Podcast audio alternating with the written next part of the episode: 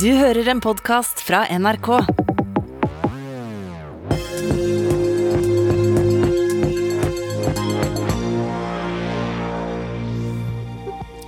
Vi har vært med militære styrker i Afghanistan i 20 år for å bygge et samfunn. Så rakner det på få dager når vi er på vei ut. Hva ansvar har vi for det? Og barnefamiliene med dårligst råd blir flere, og får enda dårligere råd. Hvordan løser vi det? Politisk valgkvarter er fra i dag og fram til valgdagen ei 20 minutter lang sending som starter 07.40 hver morgen. Første tema i dag er Afghanistan. Etter terrorangrepene mot New York og Washington for 20 år siden gikk Nato med fullmakt fra FN inn i Afghanistan. Terrornettverket Al Qaida hadde nemlig operert fra Afghanistan, som da var styrt av Taliban, ei fundamentalistisk islamistisk rørsle som bl.a. styrte med strenge sharialover og satte kvinneretter til side.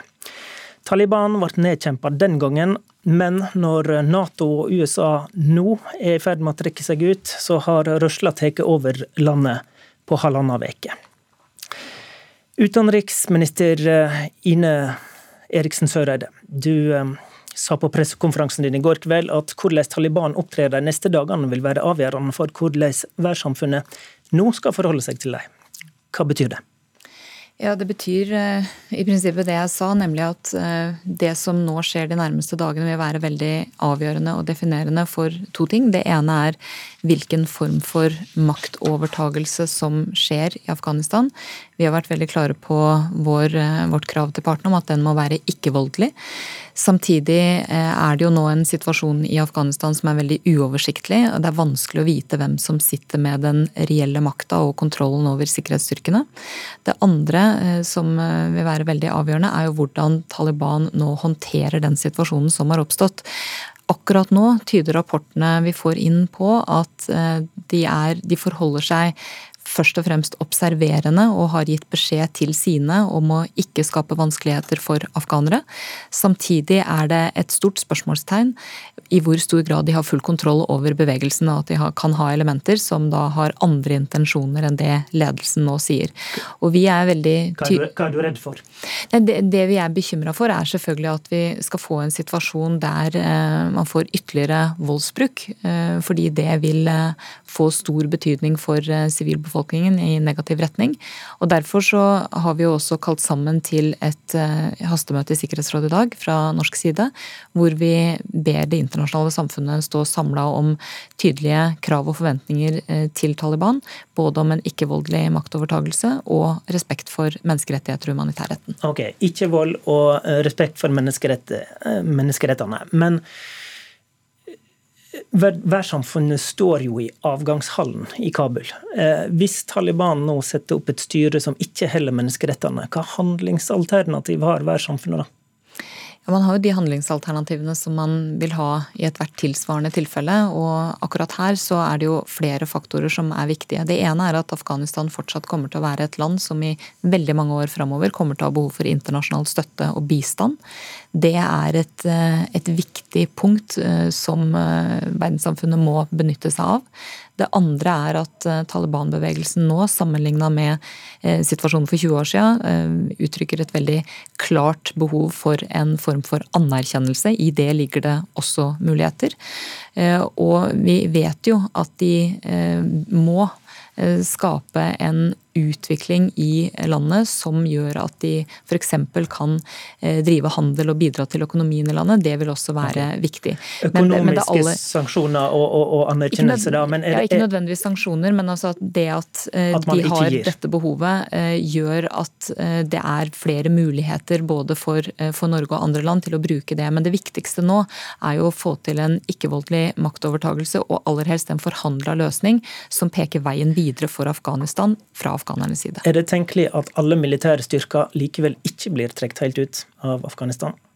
Ja, Norge har jo beholdt vårt eh, feltsykehus. Eh, I første omgang eh, er planen å beholde det ut året. Og nå er det jo flere utenlandske styrker inne for å bistå i den evakueringa som skjer. Men jeg opplever jo ikke at det er noen appetitt på en annen militær tilstedeværelse. Og det er jo en viktig forskjell fra da det internasjonale samfunnet gikk inn på FN-mandat i, i, 2001. Og det er jo at denne gangen så er det altså, ser det ut til, at Taliban på ulike måter får en del av makta og posisjonen og styret over Afghanistan. Det vi har gjort i 20 år, er jo å bidra til å forhindre at Afghanistan skal være frihavn for internasjonal terrorisme. Og det er også eh, å bidra til å støtte opp under eh, afghanske sikkerhetsstyrker og drive opplæring og opptrening. Det vil jo være en helt annen situasjon nå, dersom Taliban har makta. Det vil man neppe bidra til da, nei. Eh, SV-leder Audun Lysbakken, det er på tide at Forsvaret vender hjem og ikke lenger deltar i amerikanske militære intervensjoner, sier du etter det som nå har skjedd. Hvorfor er dette beviset på det? Så først og fremst Det er jo det som har skjedd en enorm tragedie for folk i Afghanistan, som nå frykter tilbakevending til uh, brutale islamistiske styret til Taliban. Men det er også det er en viktig del av si, den selvransakelsen og den diskusjonen vi trenger her hjemme nå. Et, et enormt nederlag for USA som kommer til å få uh, langt vidtrekkende politiske konsekvenser, tror jeg, eh, og som må føre til et oppgjør med den intervensjonspolitikken som de siste 20 årene har ført til både katastrofen i Irak eh, og nå dette nederlaget. Eh, og Da er det behov for at de partiene i Norge som har hatt eh, som har drevet fram denne politikken, og som lenge hadde eh, veldig sterke illusjoner om hva som skulle være mulig å få til i Afghanistan gjennom eh, utenlandsk militært nærvær, også nå ser kritisk på hva det er vi har vært med på.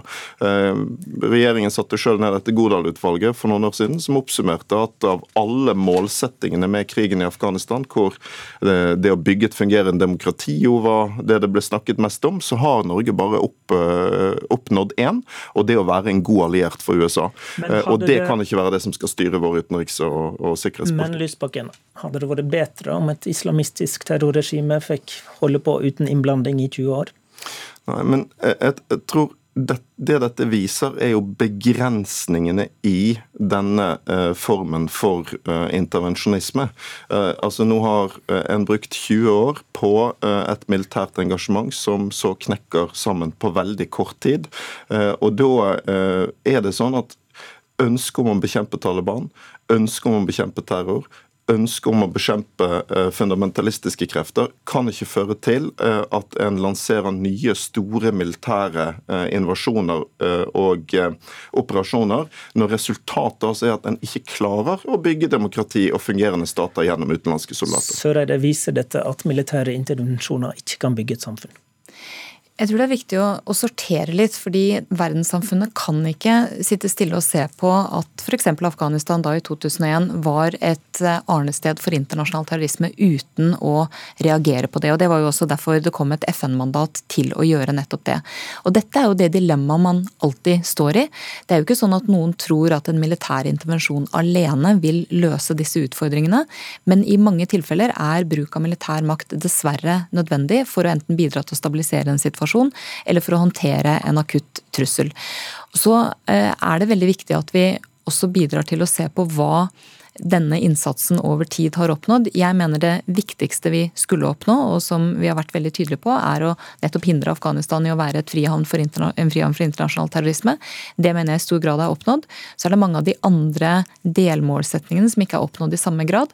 Men vi har også, og det tror jeg det er verdt å tenke på på en dag som denne, en hel generasjon eh, jenter og kvinner som har fått utdanning, som ikke fikk utdanning under det tidligere styret og som nå lever i et land som altså eh, igjen overlates til eh, Taliban. Eh, og et av de viktige spørsmålene er jo hvorfor innså man ikke langt tidligere at en militær seier ikke var mulig?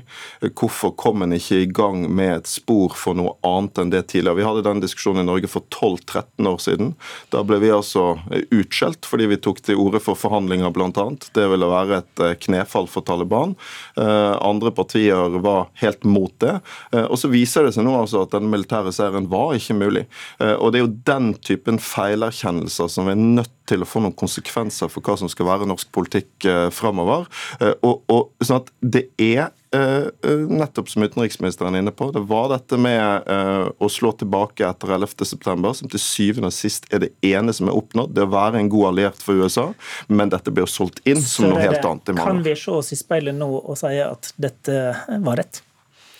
Jeg mener innsatsen har vært viktig og har vært verdt det, eh, fordi det har bidratt til det som var hovedmålet. Og jeg mener også det er viktig å understreke at dette handler ikke om å, å slå tilbake eh, etter 11.9 for å gjøre det. Det handler om å bidra til også vår egen sikkerhet, eh, som jeg mener har vært avgjørende. Og så er det mange ting nå som ikke har gått i riktig retning, og som ikke har gjort det over lang tid. Og en av de tingene vi selvfølgelig ser veldig nøye på, er jo hvordan en så stor sikkerhetsstyrke som den afghanske ikke har ytt motstand, og mange steder også slutta seg til eh, Taliban. Men vi ser jo også nå hvordan mange av de gamle konfliktlinjene som jo har vært der i veldig mange tiår, kommer opp igjen som følge av at det militære nærværet nå eh, reduseres. Og dette er jo blant de tingene vi diskuterer i Sikkerhetsrådet, det er blant de tingene vi diskuterer i Nato. Men akkurat nå så handler jo all vår eh, energi og innsats på eh, både å få de vi skal ha ut av eh, Kabul trygt til Norge, og ikke minst å bidra til politiske og forhandla løsninger. Så har diskusjonen gått i helga om opphold her i Norge for de som har hjulpet oss i Afghanistan, og som nå kjenner seg trua. Eh, SV har kravd hastebehandling av dette på Stortinget.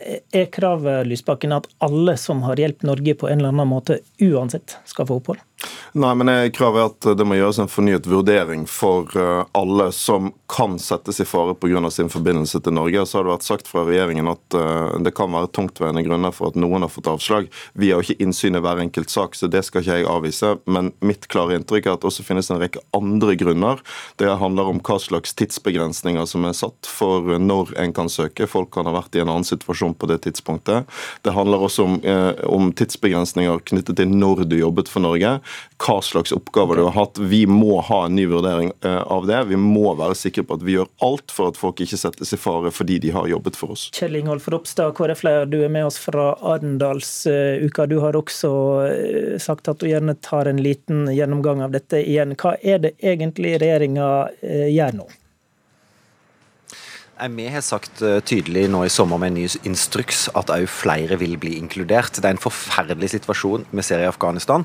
Så langt på vei så er vi der Lysbakken sier. Det er noen av disse sakene der det har vært tungtveiende grunner, f.eks. alvorlig kriminalitet, altså rulleblad som, som gjør det. Og så er det andre der en ikke var involvert eller inkludert i den tidlige ordninga, men som en nå skal kunne få muligheten til å søke på nytt. Så, så de, de, vil en kunne gå gjennom på, på, ny, men de som er veldig tungtveiende grunner, de er i en annen skala. Ok, Vi setter strek for den der. Sier takk til utenriksminister Søreide og skifter tema. For siden 2013 har barnefamilier med dårlig råd fått eh, svekka kjøpekraft sammenlignet med andre. Og år for år har andelen barn som vokser opp i fattige familier, vokst.